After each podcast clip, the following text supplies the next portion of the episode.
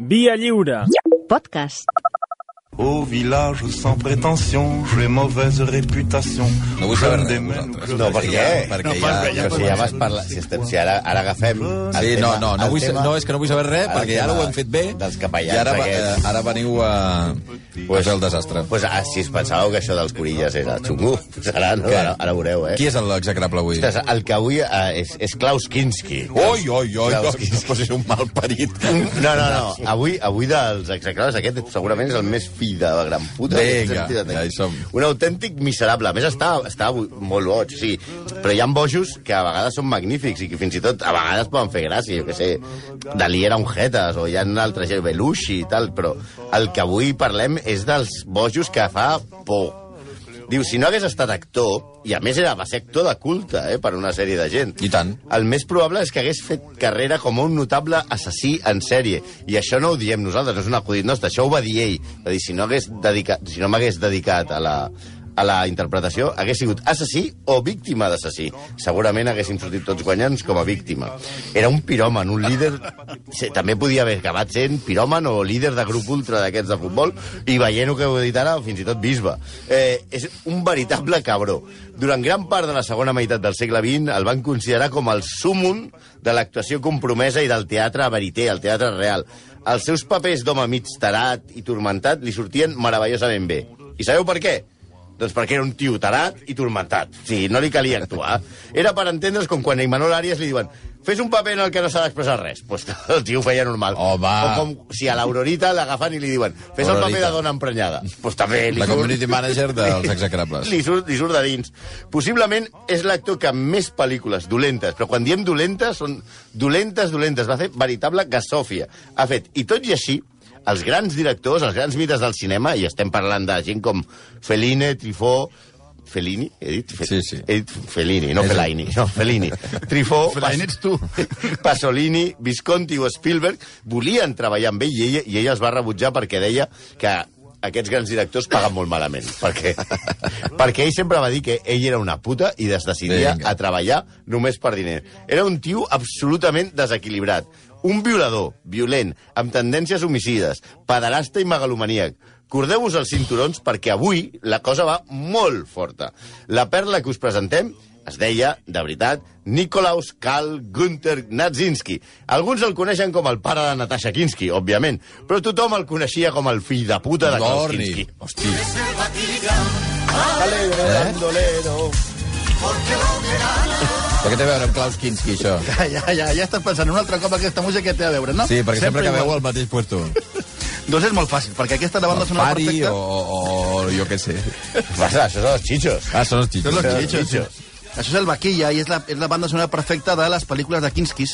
Les Saps quan es- anys Va, va, va, va, va, va, va. Pel·lícules Mira, de Kinskis. Que de fet, que de fet, tampoc va massa desencaminada. Manera de perquè- caure al nivell. perquè al seu costat el Vaquilla era Winnie the Pooh. Sí, Sí, personatge sí. que avui tornarà a sortir. Avui anem, avui anem, anem molt malament. Mira, nosaltres som d'aquests quan el, algú la palma, Sí. sí. eh, el deixem com un drapot. Aquesta Sí, és la sí, veritat. sí. Per cert, per cert, els, que avui que estan demanant, tothom està demanant que volen un execar després de Karl Lagerfeld. Ah, sí, el dissenyador. Nosaltres, si hi ha 30 peticions a Twitter, al, al, al, ho farem. Si no, nosaltres seguim mandats, mandats democràtics. Però resulta que quan va morir Kinski, l'any 91, els habituaris no van parlar especialment bé d'ell. Vull dir que això ja...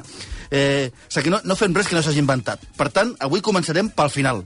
En lloc del seu naixement, per la seva, per la seva mort. Val. Article de Fernando Colomo a El País, 27 de novembre, tres setmanes després de la seva mort. El director espanyol havia tingut la mala idea d'haver-lo contractat per la pel·lícula El dragón i la doncella. I aquest era el seu record. Mira, és una De mica... quan ja- es va morir, eh? Sí, tres a la, setmanes gent, després. a la gent que critica els execrables, Exacte. que escoltin a Fernando Colomo... 27 de novembre del 91. Surt publicat al diari El País. Diario independiente por la mañana, Això. que no por la tarde. El proper llibre, el, el, el pròleg, no de David Trueba, no. sinó de Fernando Colomo. Aquí, i és una mica ja, però val la pena, mira. Eh, tot el que llegiré ara és el resum del, de l'obituari que li va fer. A veure. Diu, continuamente estaba amenazando con dejar la película. Gracias a él conseguí terminarla en el tiempo previsto, ya que trataba de quitármelo de encima lo antes posible. Siempre que salía de espaldas, recurría a dobles. Así, normalmente, a media jornada, se le podía mandar al hotel y relajarnos un poco. A la, protagonista la intentó violar en el plató, aprovechando las relaciones paternofiliales de los personajes. A Fernando Rey le rompió una costilla en un desafortunado forcejeo no previsto en el guion. Y a Harvey Keitel no osó tocarlo porque este previamente había advertido que al primer incidente le soltaba un guantazo, con el mismo brazo tatuado que exhibía en Taxi Driver. Solo Miguel Bosé hizo buenas migas con Kinski. Hostia. Pero esto, para los que conocemos a Miguel, no era de extrañar, dada su extraordinaria habilidad para tratar con los animales, heredada sin duda de su padre, el legendario diestro Luis Miguel Dominguín. El día que terminó su papel fue un día clave en el rodaje. Esa noche brindé con las ciento y pica personas que componían el equipo y el brindis fue al fin solos. Mucha gente pensaba que estaba loco. Yo no lo creo así. Era un niño mimado, consentido y maleducado. De haber sido una persona mayor, solo le cabría el calificativo de hijo de puta. Torni. Vaja, l'odiava todo Kinski. Prou! Quants cops més eh, aquesta paraulota? Bastants. Hosti, noi. Per això, insistim, eh, ho va escriure tres setmanes després que morís, eh? Al diari El País. Sí, Fernando-. Fernando Colomo. Caca, culo, pedo. Que, que I parlant ara de música... Sí que, que, que, el nostre personatge d'avui... Enrique Llana, sempre diem, Anna és la nena. Sí. El nostre personatge d'avui, a més de les qualitats que l'adornaven, com l'esquizofrènia, la bipolaritat o l'addicció al sexe en totes les seves formes, perquè a aquest li gustava, li agradava molt fotre quisquis, edats o forats, fossin consentides o no, tenia una altra característica. Atenció, que avui prendrem una paraula nova perquè després dieu... Perquè no dieu després que aquesta secció no és eh, divulgativa. A veure, la paraula quina Klaus, és? Klaus Kinski patia de coprolàlia o cacolàlia. Sí, és un terme que prové del grec, és científic, això, eh? Ai, ai, ai, ai, el coproquet, ai, ai, ai. Ve d'ajuntar la paraula copro, que són els tordos, la merda, la llenya del pati, Ja, la fenta, ja. la tifa, Sí, la tortugueta... prou. Vale, vale. I l'àlia, que a més d'una cançó d'Eric Clapton, escrita per un dislèxic, vol dir balbucejar. Consisteix en la tendència patològica a proferir obscenitats tota l'estona. Ah, per entendre. com vosaltres. El teu malson. El dia que estem aquí i un dia que vingui el Toni Garcia també amb un dia normalet. Seria terrible. Tots junts alhora. Com, com, com podeu veure, el nostre Klaus ho tenia tot per triomfar socialment. Grillat, violent, addicte al sexe i malparlat. I malparit també, per cert. La qüestió és, com va arribar aquest pàjaro a ser un actor de culte al cinema mundial? Ara sí, comencé a repassar breument la seva vida, o el que sabem d'ella, perquè com l'explicava ell, i per si faltés alguna cosa, era un mentider, un mentider patològic, ens haurem de fiar d'aquest sombat. Mira, a la seva autobiografia, que es va publicar en, en, en castellà amb el títol Jo necesito amor, Això era el títol? sí, Jo necesito amor. Després veurem com es deia realment. Sí, la, eh, la va publicar, només us dic que la va publicar La sonrisa vertical. Home, però si aquests eren els dels relats eròtics. Per tant, us explica una miqueta de què, va, de què va el tema. Ell explica que va néixer al zoològic de la ciutat lliure de Danzig, que segurament En s'hauria... un zoo va néixer. Això explica, jo crec que és mentida, Ah, però ell ho explica. Segurament el millor per tots és que s'hagués quedat dintre del zoològic, però tampoc els animals tenien cap culpa, no? Eh, Danzig, avui Danz, és Polònia. I que era un... Ell explica la seva biografia que era pobre com una rata, tot i que es veu que això també és mentida perquè els seus pares tenien una farmàcia. Ja, ja, ja. De nen, ell explica també, segons el seu relat, que es va veure obligat a fer els oficis més sorprenents per sobreviure, com ara ajudant d'enterramorts, que ja, si enterramorts és xungo, a l'ajudant no sé què deu fer. Mentre explica que la seva mare es prostituïa, cosa que tampoc sembla mare verus massa verosímil. És que S'ho inventava tot, eh? Sí. Sí, sí, s'ho inventava tot. El que sí és cert és que amb l'ocupació alemanya de Polònia és mobilitzat pels nazis amb només 18 anys i l'envien a lluitar a Holanda, on és ferit i capturat, capturat pels anglesos. És una sorpresa, eh? No m'ho esperava que acabaria combatent amb els nazis. No sé per què. Ell no volia, eh? No, Ell no volia, que jo estava aquí. El, camp... Perdó. el van internar a un camp de presoners Sí. on, lamentablement, va aprendre teatre recitant monòlegs de Perdona, o Shakespeare. sigui, durant la guerra aprèn uh, l'ofici. Sí, quan el tanquen, quan el tanquen en, el, en, el, en el camp de presoners, ell es dedica a una activitat que hi havia, d'aquelles, podeu jugar a vòlei... Fer- fer o- teatres pels presos, O fer dolenteries a les dutxes, no, Teatre. monòlegs de Shakespeare. Mon... Que, per cert, monòlegs de Shakespeare de l'ESO no, no són monòlegs com els del Club de la Comèdia, eh? Van una mica més enllà. I després va ser alliberat. Creient-se el millor actor del món, marxa a Múnich a actuar. I, I quan va a Múnich a actuar, ell actua sol, òbviament, perquè ningú el suporta, no s'hi posa pas per poc, eh? Comença fent monòlegs de Shakespeare, com havia fet al, al camp de concentració, a la seva manera, i després crea una obra en la que ell interpreta a Jesucrist, també a la seva manera. Ell estava, tenia molt clar que era el messies del teatre. Les actuacions eren memorables, perquè quan acabaven, el dia que acabaven, acabaven a bufetades entre el públic i ell per les obscenitats que deia. Ell es dedicava a insultar la gent que el venia a veure i per estrany que sembli, la cosa va tenir cert èxit. I la gent anava, hòstia, anem a veure el zumbat aquell que es creu, es fa de Jesucrist i es dedica a insultar el públic. I aleshores, perquè a més a més tu podies pujar a l'escenari i donar-li dos hòsties, però és que el tio després s'hi tornava. I va acabar per rebre ofertes per fer cinema, de part d'un altre tipus que estava tan tarat com ell, Werner Herzog. I aquí comença una relació que fa que Esteso i Pajares, Uerrejón i Pablo Iglesias semblin Calamardo i Bob Esponja. Home, Winnie the Pooh. A veure. Ja hem dit que sortiria. Però abans de, abans de seguir amb, amb Kinski, una, breu, una molt breu ressenya de Herzog, que també és d'hòstia, eh, la veritat. Aquest encara està viu, per això encara no el Sí, podem sí, fer. Ah. però amb la mà oberta, eh? D'entrada es deia Werner Stipetic, que sembla, que sembla un, un, un adjectiu, no et posis Stipetic, Sí. però que es va canviar el nom per Herzog, que significa duc en alemany, per protegir-se de, obro cometes, l'aplastant dimoni de l'univers. Aplastant. Creia que estava tocat pels déus des de petit, quan es va salvar del bombardeig aliat sobre la seva guarderia. Després de les bombes, va viure a les muntanyes desconnectat de qualsevol avanç tecnològic, no va utilitzar el telèfon fins que va tenir 17 anys.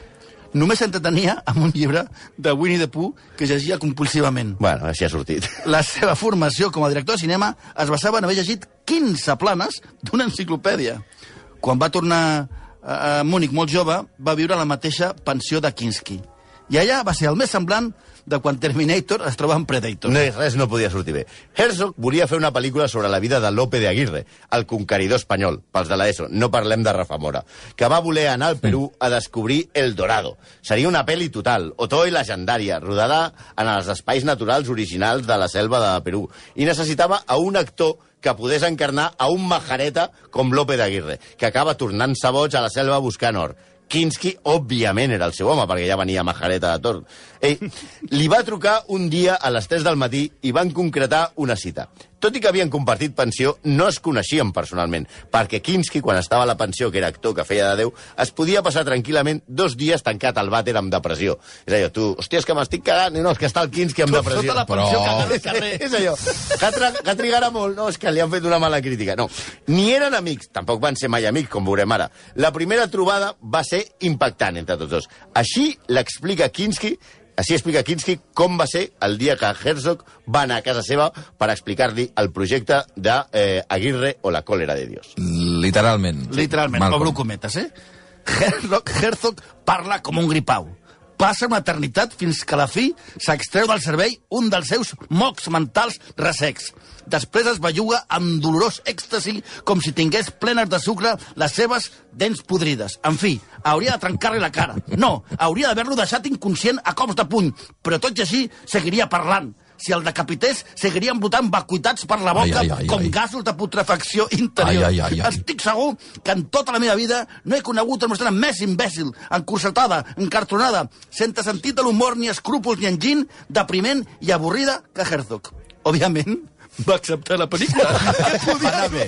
La reunió va anar bé. Després d'això, què, què tal? Què t'ha semblat? Un Bé, bé, bé. imbècil! I què has fet? Acceptar la pel·lícula. Doncs mireu, durant el rodatge és que parlàvem. Què podia sortir malament? Durant el rodatge d'Aguirre, la còleva de Dios, que recordem va ser a la selva de Perú, Kinski va ferir greument a l'actor espanyol Justo González al donar-li un mandoble a l'espasa, una espasa de veritat, al cap. Justo González va salvar la vida perquè portava el casc aquest de, de soldat. També va disparar amb munició real a la tenda dels extras que fas d'un rodatge caòtic estaven jugant a les cartes i li, van, i li va també, Kinski, li va tallar un dit a un figurant perquè feia massa soroll. Amb la pel·lícula mitges va amenaçar diverses vegades en abandonar el projecte. Herzog, aleshores, el va apuntar amb un rifle i li va dir que si marxava el mataria per l'esquena i després ell es suïcidaria. Òbviament van acabar la pel·lícula. I va ser un èxit! Van decidir fer-ne un altre, aquest cop a Colòmbia. Què podia sortir malament aquesta vegada? doncs, tot i més. El rodatge d'Aguirre va ser tranquil, molt tranquil comparat amb Netflix Carraldo, que explica la història d'un sombat, o, sorpresa, no podia ser d'una altra manera, que remunta al riu Amazones amb un vaixell carregant un teatre d'òpera que vol instal·lar al mig de la selva. La veritat és que després diuen que si els Vengadors no són creïbles. Diuen que el rodatge, diguem que el rodatge ja no va començar bé quan una avioneta va estavellar-se i van morir sis membres de l'equip. Van assassinar una llama al llançar-la ràpids del riu. Increïble, Van matar una llama amb un rodatge em sembla... Bueno, a part dels sis senyors que van morir, però la llama em sembla increïble. Van maltratar els extras. A un fuster local contractat per, per treballar la pel·li el va mossegar una serp verinosa i ell mateix, amb una serra mecànica, es va amputar la cama per evitar que el verí, Ai, ai, que el ai, batia ai. el mateix. I en aquest mateix moment que el tio s'estava tallant la cama, Kinski estava cridant, fotent la bronca perquè el seu cafè estava tevi. Tu t'imagines el, el, el, fuster agafant la màquina, la, la, la serra mecànica, i tots el, jo me'ls imagino tots al voltant i jo... Eh, eh, eh, vamos, vamos, no hay I huevo. l'altre, escolta, el cafè. El cafè està tibio. Però és que, imagina't, el comportament de Kinski en aquell rodatge va ser tan odiós que el cap de la tribu d'indígenes que havien contractat com a extras un dia s'apropa a Herzog per proposar assassinar el ros dels ulls bojos. Li va dir, tio, no cal que ens donis res. O sigui, nosaltres El matem. el agafem, el portem un moment dintre la selva i no el troba ni Déu. I aquí no ha passat res i, en, i matem aquest fill de la gran puta. Va, prou. vale. Bueno, Herzog no va transigir i van acabar la pel·lícula, que va ser increïblement un altre èxit. I què van pensar els dos idiotes? Doncs fer-ne una altra. Aquesta vegada sí que res podia sortir malament. Doncs ara sí que la cosa va patar. A veure. El rodatge de Cobra Verde, Cobra Verde. sobre un traficant d'esclaus a Brasil, quina, la veritat, quina mania de rodar a la selva, Jo crec que no? anàvem provant. Primer Perú, després Colòmbia, després Brasil, i no et dic el que provaven. I tot va acabar com el Rosari de l'Aurora, expressió que per nosaltres ara ja és el Rosari de l'Aurorita. A la tornada, Herzog es va presentar a casa de Kinski amb un bidó de benzina per cremar la casa. Però per què no ho va fer? Perquè Kinski tenia gos i Herzog tenia pànic als gossos. Tot i que, coneixent Kinski, el seu gos faria que el dels Baskervilles fos Pluto, no? Sí. Seria un gos perillós. Imagineu, si no es queien bé des de l'inici, el fet de conviure a la selva no va millorar massa les seves relacions. És allò com Gran Hermano, no? que la casa magnifica les, les relacions. sí, això sí. Aquesta és l'opinió, que us explicarem ara, mesurada i tranquil·la A de. Kinski sobre Herzog després d'aquests anys de col·laboració. Sigui, perquè del principi podia ser una cosa ràpida, Sí. però ara, a, Després després, de de, pensar-hi, eh? sí. Després, de reflexionar-hi. Després de reflexionar, Què va dir? Eh, obro cometes. Herzog és un bitxo miserable. Odiós, malèvol, desagradable, traïdor i covard. L'haurien de llançar viu als cocodrils. L'hauria d'escanyar lentament una anaconda. L'hauria de picar una aranya verinosa i paralitzar-li els pulmons. L'hauria de picar la més verinosa de les serps i que li esclatés el cervell. No seria molt millor per ell que una pantera li obrís el coll. Haurien de pixar-se en els seus ulls mentiders dius ara, home? les formigues vermelles i menjar-li els ous i les Escolta, entranyes. prou. Hauria d'agafar la sífilis, Prou. la pesta, la febre groga, la lepra. No té sentit. Quan més desitjo per ell l'amor més cruel, més m'obsessi- més m'obsessiona. Resultat, van quedar per fer una altra pel·lícula. Prou. Ni Almodóvar i Carmen Maura. Aquesta, aquesta vida era la, era la vida de Paganini, el violinista del Diable, amb el qual Kinski s'identificava, fins al punt que ell es creia la seva reencarnació.